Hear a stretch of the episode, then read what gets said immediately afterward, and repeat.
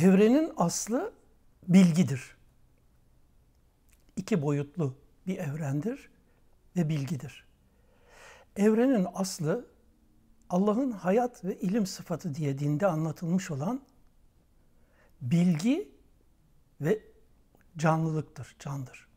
Aynen beyin gibi.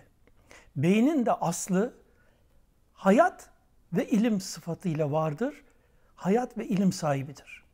Hayat ve ilim sahibi olan beyin Allah'ın mürid isminin manası olarak irade ile kudreti meydana getirerek algıyı, semi ve basiri yani suretleri meydana getirmeyi oluşturur. Yani beyinde bilgi suretleri meydana getirerek görülen ve içinde yaşanılan dünyayı meydana getirir. Evrenin orijininde de evrenin tamamı esasında bilgi ve datadır. Data ve bilgi kendi içinde o bilginin çalışmasıyla yani bir software çalışmasıyla tamamen varlıkları meydana getirir. Bu varlıklar algılayan varlıklar halinde çeşitli tespitler yapar, varlıkları görür, varlıkları algılar, varlıklar oluşur.